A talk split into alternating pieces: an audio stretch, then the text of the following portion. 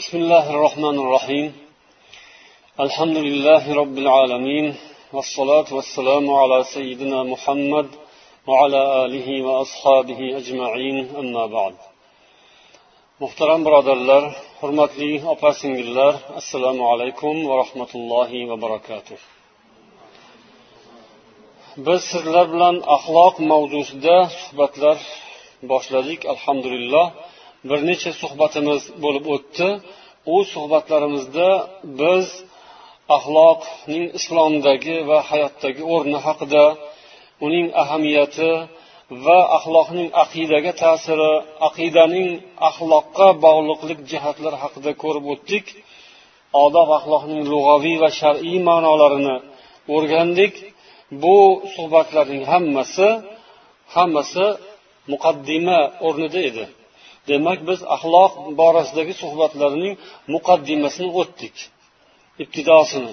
Endi inshaalloh bu yoqda axloq odobning ko'rinishlaridan har biriga alohida alohida inshaalloh to'xtalamiz. Toki siz bilan biz mana bu hayotda to ollohning huzuriga yetgunimizcha xulqimizni chiroyli qilib olloh va payg'ambar bizdan talab qilgan darajaga qo'limizdan kelganicha erishib olloh huzuriga yorug' yuz bilan borishimizni nasib etsin. Demak maqsadimiz shu. Bu mavzuni boshlashimiz va buni o'rganishimizdan eng birinchi maqsad har bir inson o'zini tuzatish o'z nafsini tarbiya qilish isloh qilish oxiratini tashvishida o'sha ertangi kun uchun bugun ozuqa g'amlash. Shu maqsadda demak bu mavzuga kirdik. Shuning uchun bu yoqga ham har bir nuqtasiga alohida alohida jiddiy ahamiyat qaratamiz inshaalloh va kamchiliklarimizni xudo xohlasa tuzatib boramiz. Va mana shu suhbatlar asnosida biz shu narsalarga amal qilayotgan odamlarni ham tanib olamiz. Ichimizdan shunday yaxshi birodarlar bor. Ularning xulqi atvori yurish turishi odobi bizni havasimizni keltiradi.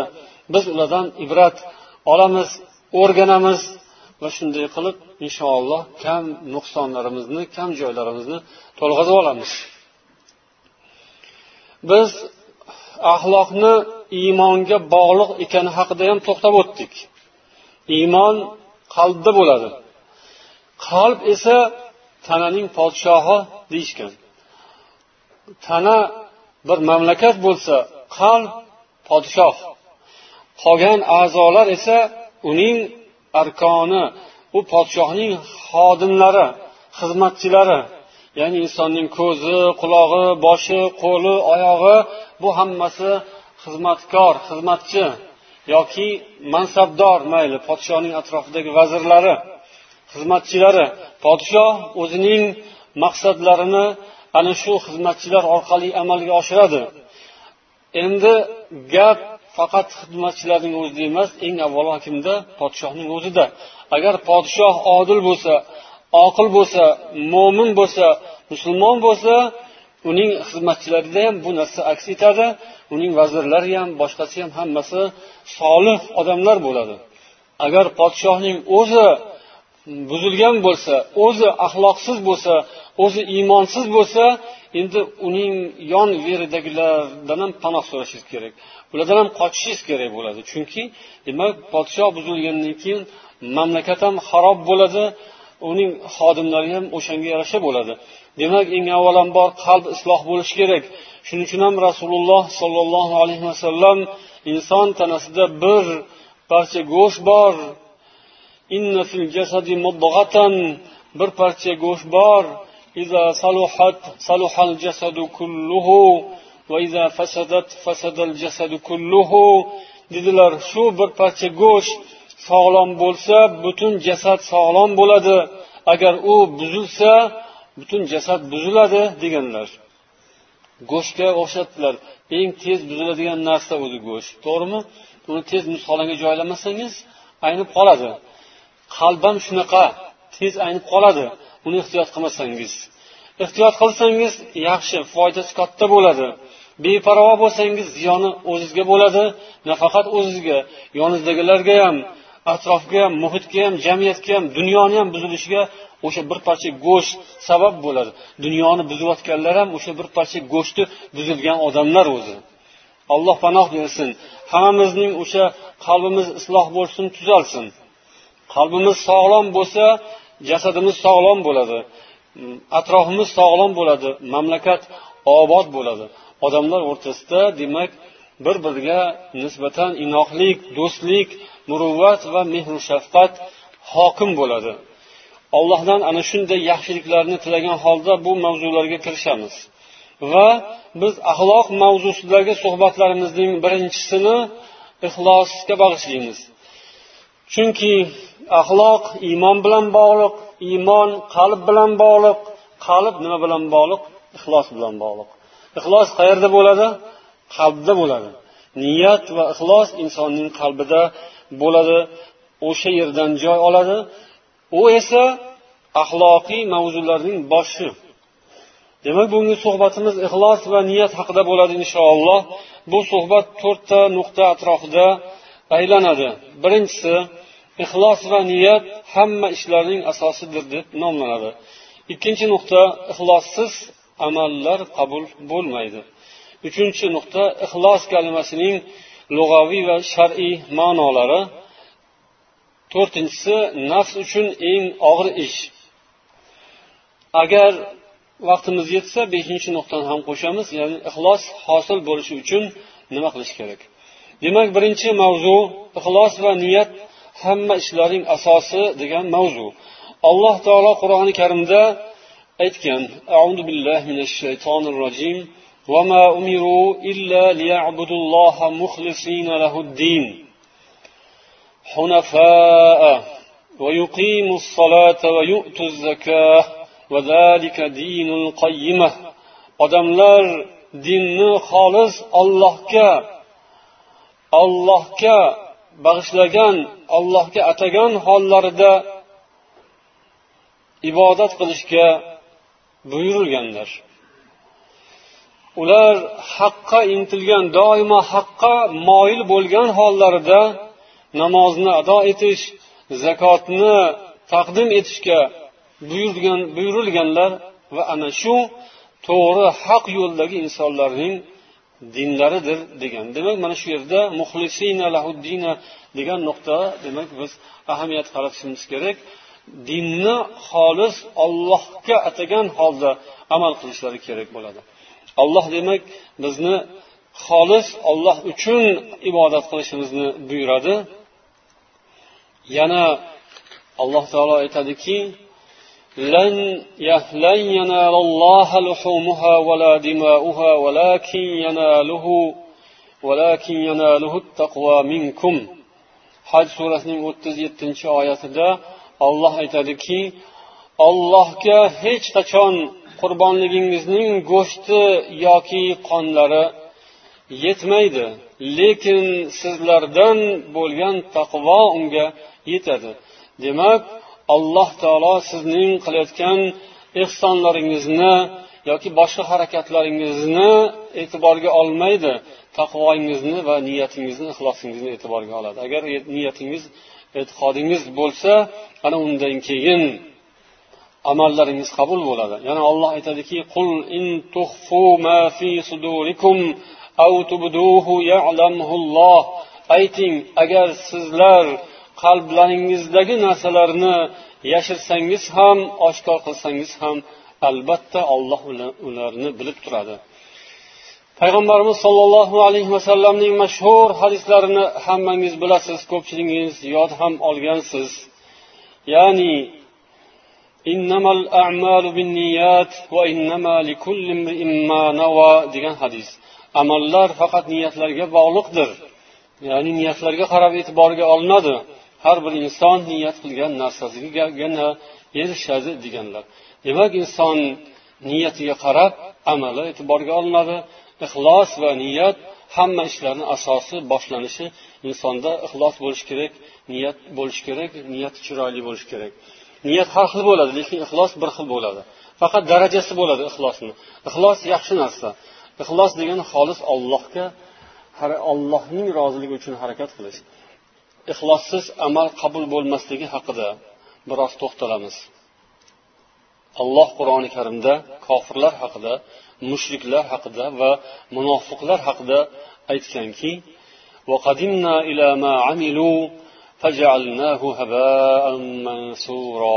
furqon surasi yigirma uchinchi oyat.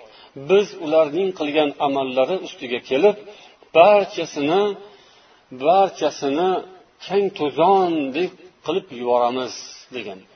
Ya'ni kofirlarning ishlari mushriklarning amallari va munofiqlarning amallarini ichida agar yaxshilari bo'lsa solih amallarni qilishgan bo'lsa olloh ana shularni yo'q qilib tashlaydi. Chang g'uborga o'xshaydi. Yana tafsirlarda ibn kasir tafsirida aytganlarki kulga aylantirib yuboradi. Kuldek kulni ko'kka sovurdi deydiku xuddi o'shanaqa. Kulni kulni ko'kka sovurdi deb qo'yishadi. Ya'ni yo'q qilib yubordi degan ma'noda. Yoki biror narsani kulni ko'kka sovurish mm, barbod qilib yo'q qilib rasvo qilib tashlash degan ma'noda. Alloh taolo munofiqlarning amalini yaxshi amalini ham kulni ko'kka sovurib yuboradi. Kofirlarning ishlarini kulni ko'kka sovurib yuboradi yo'q qilib yuboradi. Nima uchun? Chunki ularda mana shu ixlos yo'q. Ya'ni xolis olloh uchun deb qilishmaydi ular.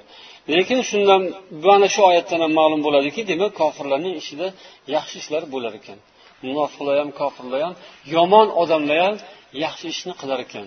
Demak yaxshi ishlar solih ishlar faqatgina solih odamlardan emas fojirlardan ham kofirlardan ham sodir bo'lishi mumkin ekan. Lekin solihlarning solih amali bilan kofirlarning yoki fojirlarning solih amalini o'rtasida nima farq bor? Ixlos. Ularda ixlos bo'lmaydi ularniki qabul bo'lmaydi ular olloh uchun qilmaydi ular boshqa narsalarni maqsad qiladi. Boshqa har xil g'arazlar bilan qiladi. O'shandan bir foyda olish uchun shu dunyoda yaxshi odam deb tanilish uchun yoki mana shu dunyoda biron bir manfaatga moddiy manfaatga erishish uchun qiladi. Shu tufayli olloh ularning amallarini oxiratga borganda ko'rsatib turib yo'q qilib yuboradi. O'shanda ular afsusu nadomat chekib qoladilar. Chunki xuddi o'shanday amalni qilgan boshqa odamlar katta katta mukofot oladi. Xuddi o'sha amalni qilgan haligi munofiq fojirlar esa hech narsasiz qolib do'zaxga ketadi. Afsusu nadomatlar qiladi. Qaniydi? Shu amallarim tayyor o'zimniki bor bo'lib turib yo'q bo'lib ketyapti. Yo'q bo'lib demak menga zarracha ham foydasi qolmayapti deb afsusu nadomatlar chekadi lekin undan foyda yo'q. Agar shu dunyoda o'sha yaxshi ishini iymon bilan va ixlos bilan qilganda edi katta foyda bo'lardi. Bu faqatgina kofirlarning o'zigagina taalluqli emas demak musulmonlarga ham taalluqli joyi bor. Musulmonlarning ichida ham demak kimdir ixlossizlik bilan amal qilsa u ham shu kofirlarga o'xshagan holatga tushadi billah bu oyatlarni alloh taolo bizga bekorga yuborgan emas. Kofirlar uchun kofirlarning tarifida yoki mushriklar munofiqlarning tarifida tushgan oyatlar mo'minlarga nima uchun kerak? Mo'minlar yaxshi amalni qilib turishgan bo'lsa solih ishlarni qilib turgan bo'lsalar bularga nima uchun kerak? Ibrat uchun kerak va tahdid ham bu. Ogohlantirish ham bu. Chunki hech kim oqibatini bilmaydi. Olloh asrasin. Kimdir mo'min bo'lib kofirga aylanib qolishi mumkin billah yoki dili buzilib niyati buzilib shaytonni iziga kirib ketishi mumkin olloh asrasin. O'shalardan demak inson ogoh bo'lishi uchun olloh kofirlarni va munofiqlarni haqidagi oyatlarni bizga nozil qildi va ularga qiyomat kuni qanday muomala qilishni ham oldindan xabarini berib qo'ydi. Bu biz uchun ogohlantirish ehtiyotkorligimizni demak oshiradi. Demak amallarimizni xolis olloh uchun qilishimizni olloh nasib etsin. Yana e, mufassirlar aytishadiki qiyomat kunida odamlar tog'dek tog'dek amallar bilan kelishadi. Lekin sharti ikkita shartidan e, o'sha bitta sharti bo'lmagani uchun o'sha amallar yo'q bo'lib ketadi. Tog'dek amallar yo'q bo'lib ketadi ixlos bo'lmaganligi tufayli. Xolis olloh uchun bajo qila olishmagani tufayli.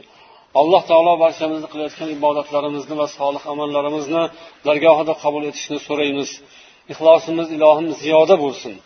Ixlosni hech qachon esimizdan chiqarmaylik. Ho'p ixlos shunchalik muhim narsa ekan uning ma'nosi nima? Uchinchi nuqtamiz shundan iborat. Ixlos kalimasining lug'aviy va shar'iy ma'nolari. Har bir so'zning asli lug'aviy ma'nosi va shar'iy ma'nosi bo'ladi. Lug'aviy ma'nosini anglash shar'iy ma'nosini anglashga yordam qiladi. O'zi lug'aviy ma'nodan kelib chiqadi shar'iy ma'no ham. Ya'ni bir narsaga asoslanadi. Asossiz ravishda bo'lmaydi so'zlar. Ildizi bo'ladi. Demak o'sha ildizi lug'aviy ma'no deyiladi. Lug'aviy ma'nosi ixlosning qaysi kalimadan olingan? Arab tilida xalosa degan kalimadan olingan. Xalosa xalos bo'lmoq degani. Yana xalosa pok bo'lmoq degani. Axlasa bo'lsa xalos qilmoq bo'ladi. Xalosa lozim axlasa mutaaddiy arab tilidan sal xabar borlar uchun ma'lum. Xalasa o'zi pok bo'lish xalos bo'lish ozod bo'lish qutulish ma'nosida. Najot topish ma'nosida. Axlasa esa ozod qilish qutultirish xoli qilish poklash tozalash ma'nosida. Xalos bo'lish deganda inson biror bir balo ofatdan qiyinchilikdan mashaqqatdan xalos bo'lish. Yana ba'zi bir hadislarda yavmul xalos deyilgan ekan dajjol chiqadigan kunni. Ya'ni dajjol hamma shaharlarga kiradi lekin ikkita shaharga kira olmaydi madina bilan makkaga. Lekin o'shanda makka madinani ichidagi munofiqlar o'zi chiqib ketar ekan. Dajjol kelsa ular o'zi chiqib borar ekan e, dajjolning oldiga. Madinaga kira olmaydi dajjol lekin mm, zarba beradi madinani titratadi kelib oyog'i bilan zarba berib madinani yerini zilzila qiladi. Shunda o'sha zilziladan keyin munofiqlar chiqib ketar ekan dajjolga. Yavmul xalos qutulinadigan kun xalos bo'ladigan kun. Ya'ni o'sha kuni madina munofiqlardan xalos bo'ladi. Ular o'zi chiqib ketadi. Oyog'i bilan demak xalos bu qutulish poklanish yana ba'zi bir moddalarni poklash uchun tillani misdan ajratish uchun ham mana shu ibora qo'llanadi. Demak pok e, xolis narsa bo'ladi. Ya'ni xalos bo'lgan narsani qutulgan narsani bir qo'shimcha aralashmalardan ajralgan narsani xolis deb aytiladi. O'zbekchada ham bor. Qarang o'sha xalos degan so'z ham o'zbekchada ishlaydi. Xolis degan so'z ham o'zbekchada ishlaydi. Ya'ni o'zini ma'nosida arabchada qanaqa ma'noda bo'lsa bizda ham shu ma'noda ishlaydi. Ixlos esa biroz mm, shu odamlar o'rtasida har xil tushunchaga burilib ketib qolishi mumkin. Ixlos nima demak ixlos bir narsani xolis qilish lug'aviy ma'nosi xolis poklash tozalash. Shar'iy ma'nosiga o'tganimizda shu ishlarni tozalash olloh uchun tozalash. Al ixlosu lillahi olloh uchun tozalash poklash. Ya'ni nimadan poklash? Shirkdan poklash riyodan poklash nuqsonlardan poklash. Amalingizni poklasangiz siz ixlos qilgan bo'lasiz. Riyodan poklash olloh uchun deb niyat qilsangiz demak shu amalingizni poklagan bo'lasiz. Uni ollohga xoslagan bo'lasiz. Yana shu o'rinda xulosa degan so'z ham shu xalosadan olingan. Xulosa degani demak e, sutning qaymog'ini xulosa xulosatu samn yog'ning xulosasi qaymog'i degan ma'noda ham ishlatishar ekan. Demak xulosa degani arabchada yog'dan olinadigan yog'ning xulosasi yoki qaymog'i yoki sutning yog'i degan so'z ekan. demak lug'aviy ma'nosidan xabardor bo'ldik bu bizning shar'iy ma'nosini tushunishimizga inshaalloh yordam beradi endi shar'iy ma'nosida al ixlosu fi toati tarku riyai وقد أخلصت لله الدين لسان arabda mana shunday ta'rif bergan ixlos degani toatni toatda riyoni tark etish riyodan butunlay xoli bo'lish Dinni olloh uchun xolis qilish degan ibora shundan ishlatiladi demak dinda siz olloh uchun bo'lishingiz kerak. Din nimani buyurgan bo'lsa olloh uchun qilishingiz kerak. Diningizni shunda ollohga xoslagan bo'lasiz. Agar siz shuni qilolmasangiz diningizni ollohga xoslamagan bo'lasiz. Ollohga ham boshqalarga ham qilib qo'ygan bo'lasiz. Bunda aralashma hosil bo'ladi va alloh taolo bunday narsani rad etadi. Demak ixlos olloh bizga buyurgan amallarning eng birinchisi va eng muhimi eng zaruri qolgan hamma amallarimizning tuguni shu yerda bo'ladi. Qabul bo'ladigan nuqtasi bo'ladi. Qabul bo'ladigan demak kaliti bo'ladi. Yo'li bo'ladi. Agar shu ixlos bo'lmasa hamma amallar to'xtab qoladi. Agar ixlosimiz bo'lsa amallarimiz inshaalloh rivojlanib ham ketadi. Insonning harakati ham uning sukunati ham hamma ishi olloh uchun bo'lishiga harakat qilish kerak. Agar ixlos bo'lsa muboh ishlar ham oddiy ishlar ham ibodatga aylanadi. Agar biz qilayotgan ishimizdan odamlardan maqtov kutayotgan bo'lsak yoki odamlar bizni yomonlamasin yomon odam ekan demasin degan niyat bilan yaxshi amallarni qilayotgan bo'lsak demak bizda ixlos yo yo'q yoki kamayib ketayotgan bo'ladi. Agar biz olloh uchun deb qiladigan bo'lsak odamlarni e'tiborga olishimiz kerak emas. Ular bizni yaxshi maqtaydimi yoki yomonlaydimi uning bizga ahamiyati yo'q. Bu o'rinda ulamolar aytishadiki amallarda nafsning nasibasi bo'ladi. Nafs davo qilib turadi. Nafs sheriklik qilib turadi. Manga manga deb turadi. Ovqatni manga manga deb turgandek amalni ham manga manga deb turadi. Nafsning og'zi ko'p rosayam nafsning qorni ham ko'p. Nafsning hiylasi ko'p. Nafsning ko'rinish turi ham ko'p. Nafsni shunaqa ko'rinishlari borki juda taqvodorga o'xshab ko'rinadi. Shunaqa ko'rinishi borki juda solih yaxshiga o'xshab ko'rinadi. Nafs shunaqa makkor nafs shunaqa hiylakor ehtiyot bo'lish kerak. Ya'ni nafs hamma narsada ovqatda ham kiyinishda ham yurish turishda ham namozda ham hatto ro'za ibodatlar boshqa boshqalarda ham nafs o'zinikini o'zinikini talab qilib turadi. Mangachi mangachi deb turadi. Irodasi zaif odam o'zini o'zi unchayam boshqara olmaydigan odam aqli mustahkam bo'lmasa o'zini mahkam ushlab turmasa o'shanga berib qo'yadi. O'zi bilmagan holda nafsga man sanga deb berib yuboradi. Ana o'sha o'rinda demak ixlos ketadi. Ehtiyot bo'lishimiz kerak. Demak namoz o'qishimizda qur'on o'qishimizda zikr aytishimizda dars berishimizda astag'firulloh ma'ruza qilishimizda sadaqa qilishimizda hatto ro'za tutishda ham.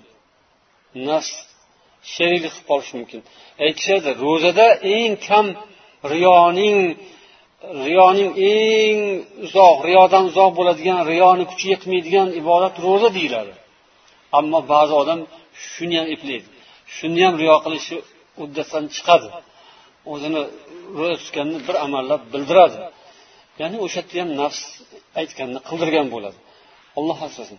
Demak har bir ishda xolis olloh uchun bo'lishga odamlar u narsani bilishi yoki maqtashi yo boshqa narsani hisobga hisobdan tashqari qilib nari surishga harakat qilish lozim.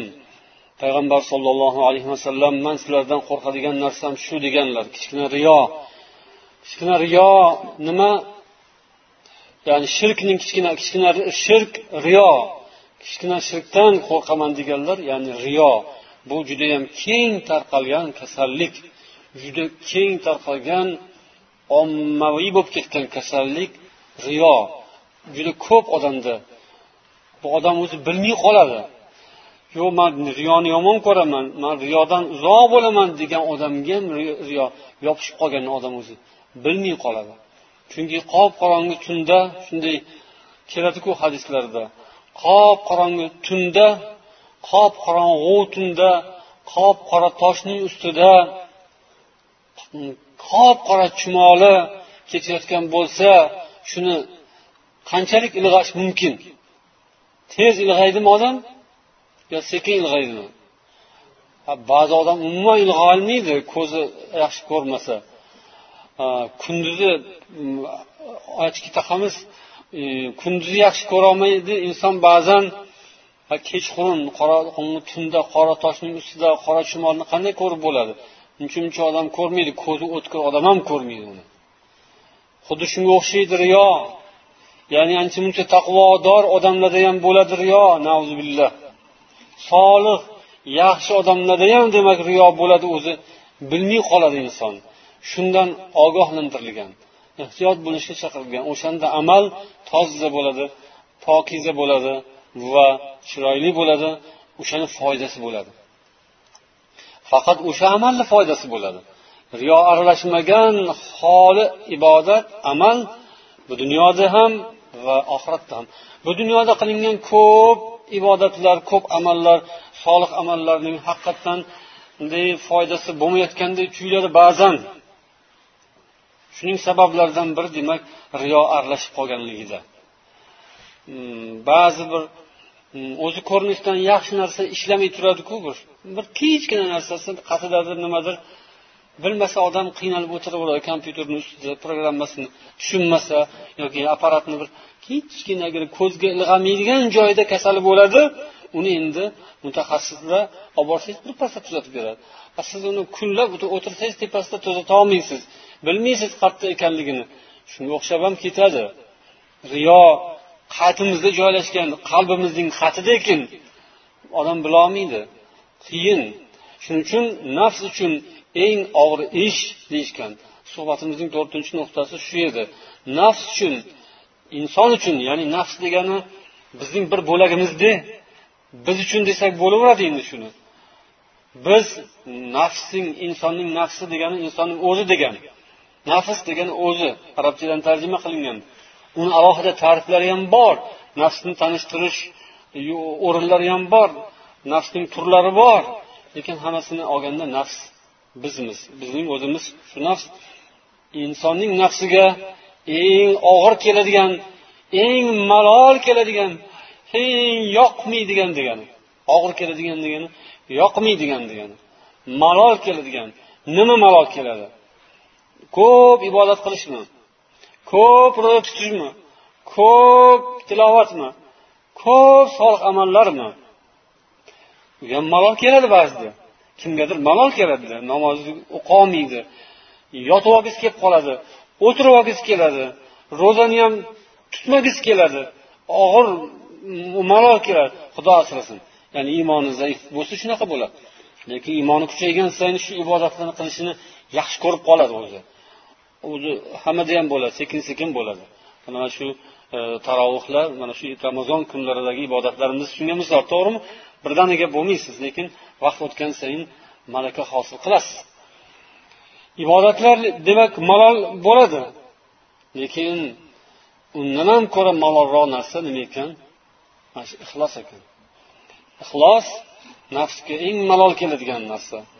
Ya'ni nafs og'ir oladi o'ziga qattiq oladi yoqtirmaydi.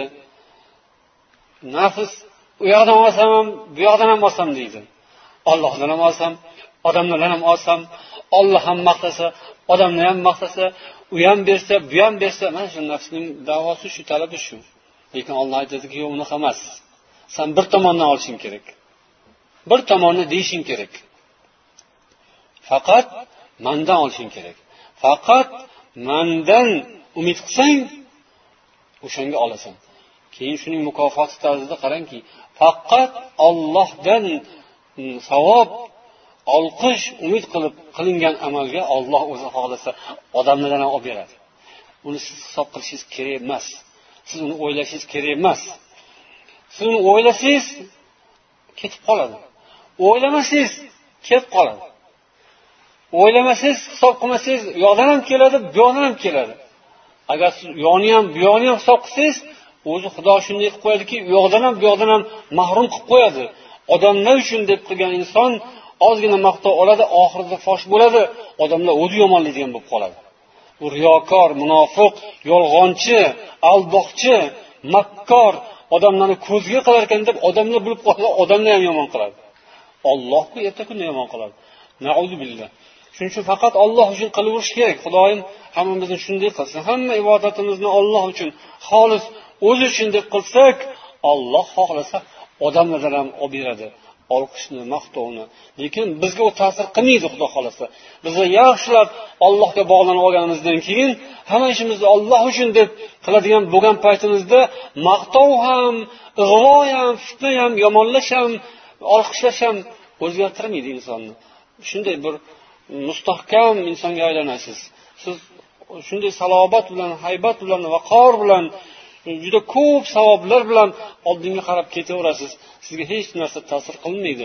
Odamlarni otgan toshi ham ularni aytgan so'zi ham ularni maqtovi ham yoki ularni ig'vosi fitnasi ham sizga hech qanday ta'sir qilmaydi. Illo u ham foyda bu ham foyda bo'ladi. Ig'vo qilsa ham foyda bo'ladi maqtasa ham foyda bo'ladi. Faqat buning uchun bu darajaga yetishimiz uchun avvalambor ixlosni yaxshilab olishimiz kerak niyatni chiroyli butun qilib olishimiz kerak. Alloh hammamizni niyatlarimizni ixlosimizni butun bo'lishini nasib etsin. Hurmatli birodarlar mana biz ixlos haqida ozgina tushunchaga ega bo'ldik. Nihoyatda zarur amal ekani amallarning eng boshi shu ixlos va niyat ekanini esladik. Endi bunga qanday erishish kerak? Biza shu ixlos hosil qilishimiz uchun va doimo ixlos bilan davom etishimiz uchun nima qilishimiz kerak? Amallarimizning savobidan mahrum bo'lib qolmasligimiz uchun aksincha qilayotgan solih ishlarimizning barakasidan shu dunyoda ham bahramand bo'lish. Eng asosiysi oxiratda shu ishlarimizning natijasini ko'rish mukofotini but butun qilib oxiratda olishimiz uchun nima qilishimiz kerak? Ya'ni ixlosimizni saqlash uchun biz nima qilishimiz kerak? Bu borada ulamolarning takliflari tavsiya va nasihatlari bilan tanishamiz. Avvalambor alloh taolo hamma narsani ko'rib eshitib va hisob kitob qilib turganini biza idrok qilishimiz esimizdan chiqarmasligimiz lozim. Mo'min surasida o'n to'qqizinchi oyatda alloh taolo aytgan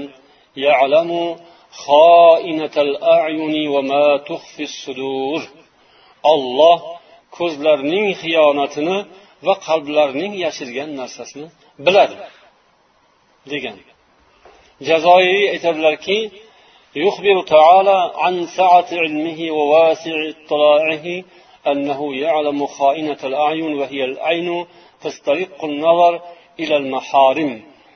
ya'ni alloh taolo o'zining ilmi nihoyatda keng va xabardorligi nihoyatda chuqur keng ekanligi haqida xabar beradi va jumladan u ko'zlarning xiyonatini ham anglaydi. Ko'zlarning xiyonati degani ko'zning o'g'irligi. Ko'zning o'g'irligi ya'ni ko'zi qiri bilan qarab qo'ydi deymiz.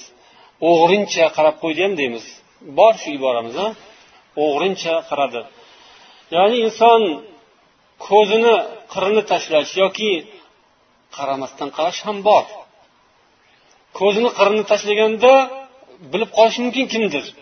Kuzatib turgan bo'lsa qarab turgan bo'lsangiz bir odamga u ko'zi bilan qanaqa o'g'irlik qilganini ko'rsa bo'ladi. Bu ko'zning xiyonati ya'ni qarash kerak emas narsaga qarash. Endi yana qarashning turlari ko'p. Qaramasdan qarash ham bor. Ya'ni qaramasdan ko'rish bor. Ya'ni birovga qarab turib boshqa narsani kuzatish bor. Endi buning ijobiy tomoni ham bor salbiy tomoni ham bor. Lekin olloh shuni biladi. Olloh shuni ham biladi. Odam bilmasligi mumkin. Man sizga qarab turib hozir bu kishini ham ko'ryapman. Yoki bu kishini ko'rib sizni ham kulayotganingizni bilyapman shunga o'xshash e, bu narsani hushyorlikka aloqasi bor. Ya'ni inson kuzatuvchan bo'lishi kerak e, hech bir xato kamchiliklarni ko'zdan qochirmaslik kerak. E, farzandlari tarbiyasida boshqa ularni har bir qilayotgan ishlaridan xabardor bo'lib turish kerak. Bu ijobiy narsa. Ammo salbiy tomoni ham borki qaramaslik kerak bo'lgan narsaga qarash harom narsalarni tomosha qilish shubhali narsalarga ham qarab e'tiborini berib shuni kuzatib o'shani kavlashtirish mumkin emas. Bu narsalar demak ko'zning xiyonati. Olloh ko'zlarning xiyonatini ham va qalblarning yashirganini ham biladi. Mana shuni eslash kerak.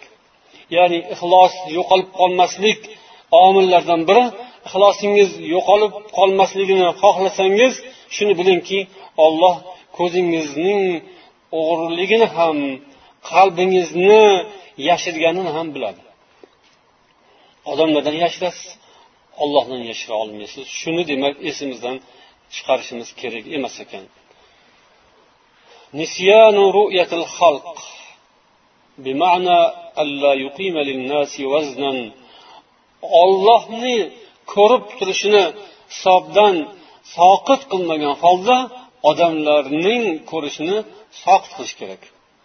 Ixlos butun bo'lishi uchun odamlarni qarayotgani ko'rayotganini hisobingizdan o'chirishingiz kerak. Shunda ixlos hosil bo'ladi. Olloh esa ko'rib turadi. Odamlar ko'radimi ko'rmaydimi farqi odamlar ko'rmaydi degan niyat bilan qilish kerak solih amalni. Solih amal qilayotgan odam odamlar ko'rayotganini sezsa ba'zida amallari chiroyli bo'lib ketadi. Yaxshi qiladi ishini chunki odamlar ko'radi namozni yaxshi sekin o'qiydi.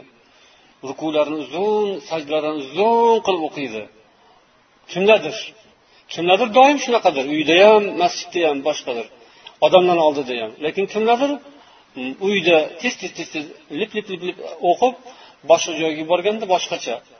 Yoki boshqa ishlarni ham boshqa ibodatlarni ham yoki solih amallarni ham odamlarni ko'rishini hisobini qiladi. Buni ijobiy shar'iy tomoni ham bor. Ya'ni insonlarga yaxshi narsani ko'rsatish ularga solih amallarni qilib ko'rsatish bu targ'ibot bo'ladi tashviqot bo'ladi va inson o'zini obro'sini saqlash kerak. Obro'sini saqlash uchun odamlarni oldida demak ibodatni qilish bu odamlar yo'q joyda ham ibodat qilishga sabab bo'ladi xudo xohlasa deb umid ham etiladi. Shuning uchun ba'zi birlarni e, odamlarni oldida ibodat qilayotgan bo'lsa uni birdaniga fosh etib sharmanda qilib olishga shoshish kerak emas u yaxshi odat emas. Asta astalik bilan insonlarni olib kirish kerak islomga musulmonlarni orasiga. Tarbiya shuning uchun mayli lekin sekin sekin tushuntiriladiki odamlarni oldida chiroyli qildingmi endi ollohning huzurida ham chiroyli qilishing kerak. Hech kim yo'q joyda ham deb. Yuqori cho'qqisi demak inson odamlarni qarayotgani ko'rayotganini hisobdan chiqarish kerak oxirida. Ya'ni odamlar uchun emas olloh uchun. Uchinchi nuqta amalni maxfiy qilishga harakat qilish. Iloji boricha demak amalingizni solih amalingizni o'zingiz bilan olloh o'rtasida sir qiling. Olloh bilan o'zingizni o'rtangizda shu narsani maxfiy qilib yashirib olib qo'ysangiz xotirjam bo'lasiz. O'rab yaxshilab bekitib chang tushmaydigan qilib qo'ygan bo'lasiz bir qimmatbaho narsangizni. Ochiq qolsa har narsa tegishi mumkin tushishi mumkin. Keyin xunuk bo'lishi mumkin oxiri. Allohga qiladigan ibodatingizni ham solih amalingizni ham agar siz yashirin qilsangiz ollohning o'ziga qiladigan bo'lsangiz demak siz xotirjam bo'lsangiz bo'ladi ancha. Endi butunlay xotirjam bo'lmaysiz o'shanda ham chunki o'zingiz bilmagan holda nimadir xato qilib qo'ysangiz qo'ygandirsiz yoki qatidadir dilingiz ketib qolgandir olloh biladi. Lekin har holda odamlarga har holda ko'rsatmadingizku bu jihati sizga qo'shimcha foyda. Salaflar hatto rivoyat qilishadiki shunday insonlar bo'lganki ular kechqurun o'rinlariga yotardilar. Lekin ular turib tahajjud namozi o'qiganlarini shunday ayollari ham bilmas edi. Ko'zini ochgan mahalda uxlab yotgan bo'lardilar. Ya'ni shu darajada inson xolis beriyo maxfiy ibodat qilishga mm, o'rganish kerak ekan. Endi boshqalarni ibodat qilishi boshqa ahli ayollarni uyg'otish tunda tahajjudga uyg'otish bu ham bor narsa bu ham kerak narsa. Shuni orasida lekin siz ilojini qilsangiz shunaqasini qilib ko'ring bir. Ayollaringizni uyg'otib ularni tahajjud o'qitib bolalaringizga o'rgatib shuni orasida ular bilmay ham qoladimi? Shunaqa qila olsangiz yaxshi ekan. Ya'ni o'sha sizning eng noyob eng qimmatbaho eng chiroyli yaxshi ishlaringizdan biri bo'ladi. O'zingiz uchun faqat. O'zingiz va olloh o'rtangizga qo'yib qo'ygan yaxshi oxiratida oxiratga umid qilsangiz bo'ladigan amallaringiz xudo boshqa ishlaringiz ham shu. Faqat namoz emas boshqa sadaqalaringiz bo'ladi. Birovga xolis yordam berib yuborgan bo'lasiz. Birovning orqasidan keyinidan o'zi bilmagan holda yordam berib yuborish mumkinmi birov eshitmaydi bilmaydi ko'rmaydi lekin siz o'sha birodaringizni tashvishida g'amida o'shani ishiga yordam berish uchun kimlar bilandir gaplashib ishni bitirib yuborasiz. U sezmaydi bilmaydi xursand bo'lib boshqa yoqdan o'ylab uning sababini boshqa yoqda deb bilib xursand bo'lib sizga gapirib ham beradi. Falon bo'ldi piston bo'ldi deb. O'shani ishini yurishtirib yuborishga sabab bo'lgan hissa qo'shgan yoki boshqa siz. Mana shunday holatlar ham bo'lishi mumkin. Shuni ham siz xolis olloh uchun atab qo'ygan bo'lsangiz yaxshi shunday ishlar ham. Yoki mana sadaqa qilganda o'ng qo'li bilan berganni chap qo'l bilmaslik degan hadislar ham bor. Demak maxfiy ravishda ehson qilish odamlarga yordam berish. To'rtinchi nuqta alloh taologa ko'p duo qilish. Ixlos hosil bo'lsin uchun ixlos butun bo'lsin uchun banda ko'p ko'p ollohga yolvorib turish kerak ekan. Riyodan qutulish uchun. Chunki baribir qalb qalb kimniki? Ollohnikida biz ichimizda turgan bo'lsa ham ushlab olib mana maniki desak ham baribir ollohniki u. Biz uni ichini o'zgartira olmaymiz ustidan bunday qilishimiz mumkin silashimiz mumkindir.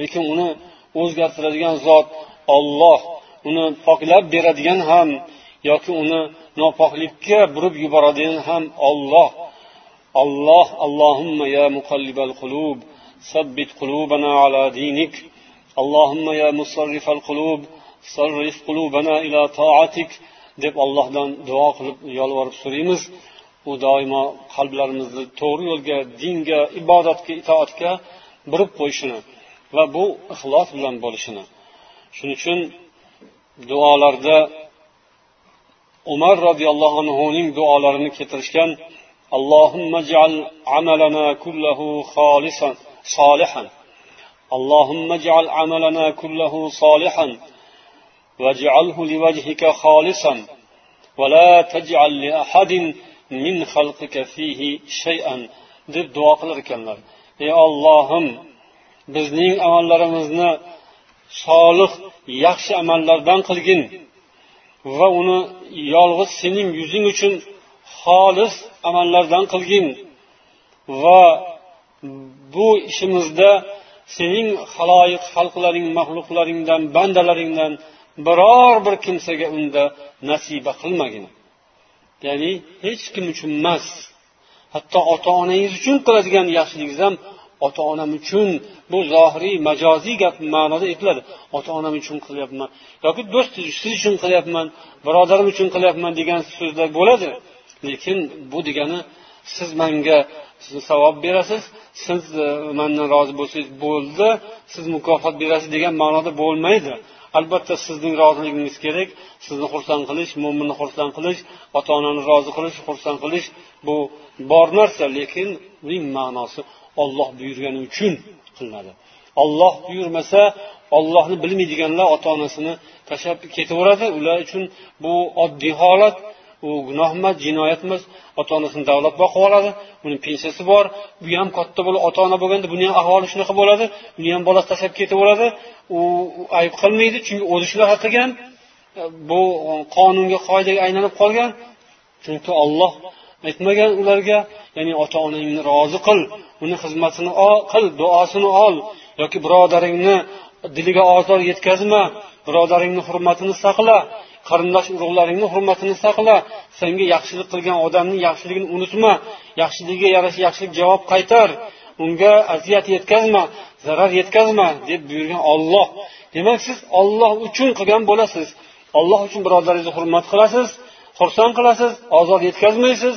Ozor yetkazgan bo'lsangiz uzr so'raysiz. Bu ishlar hammasi kim uchun? Olloh uchun. Agar siz olloh uchun deb qilsangiz demak haligi umar roziyallohu anhuning so'zlaridagi bandalar uchun bu ishlardan hech bir nasiba qoldirmagin degan so'z bilan muvofiq kelaveradi. Siz bandalarni hurmatini qilasiz haqqini ado etasiz lekin bu olloh uchun bo'ladi. Demak bu nuqtada biz anglaydigan narsamiz ko'proq duo qilishimiz kerak ekan.